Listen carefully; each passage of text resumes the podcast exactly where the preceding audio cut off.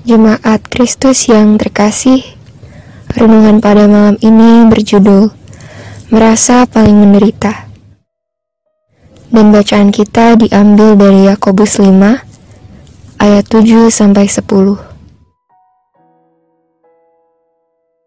Demikianlah firman Tuhan.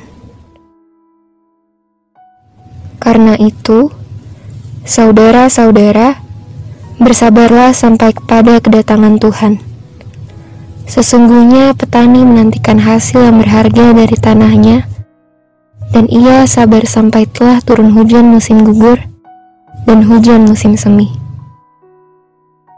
Kamu juga harus bersabar dan harus meneguhkan hatimu, karena kedatangan Tuhan sudah dekat. Saudara-saudara, janganlah kamu bersungut-sungut dan saling mempersalahkan, supaya kamu jangan dihukum. Sesungguhnya, hakim telah berdiri di ambang pintu. Saudara-saudara, turutilah teladan penderitaan dan kesabaran para nabi yang telah berbicara demi nama Tuhan. Salah satu hal yang pernah kita lakukan dengan bangga adalah merasa menjadi orang paling menderita di dunia. Rasanya, semua penderitaan orang lain tidak ada apa-apanya bila dibandingkan dengan penderitaan yang kita alami. Yang memprihatinkan, tanpa kita sadari dalam penderitaan yang kita alami, kita masih saja sempat menghakimi orang lain dan merasa hidup kita paling benar karena merasa paling menderita. Akibatnya, orang yang mendengar kita jadi tidak prihatin, justru kecewa dengan perangga yang kita tampilkan.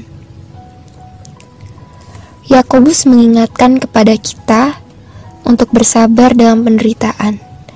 Bersabar dalam penderitaan bukan hanya berbicara menerima penderitaan itu, namun juga mau menghadapi dengan benar dan dengan baik, menghadapi itu semua dengan hidup berpasrah kepada Tuhan. Bukan hanya berkata sabar, namun menggerutu di sisi yang lain.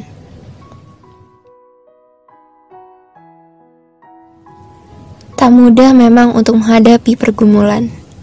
Kita dipaksa untuk menjalani hidup yang tidak sesuai dengan ekspektasi kita.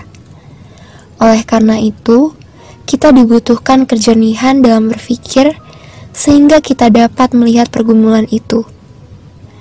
Kita melihat kasih Tuhan bukan menjadi ajang untuk pamer dan mendapatkan perhatian, bahkan demi mendapat keuntungan sesaat. Penderitaan memang baik dan perlu untuk dihadapi. Oleh karena itu, pakailah ketaatan dan kerendahan hati dalam menjalaninya, agar kasih Allah yang memimpin dan menuntun kita. Tetaplah bijak dan rendah hati dalam segala situasi. Demikianlah renungan malam ini.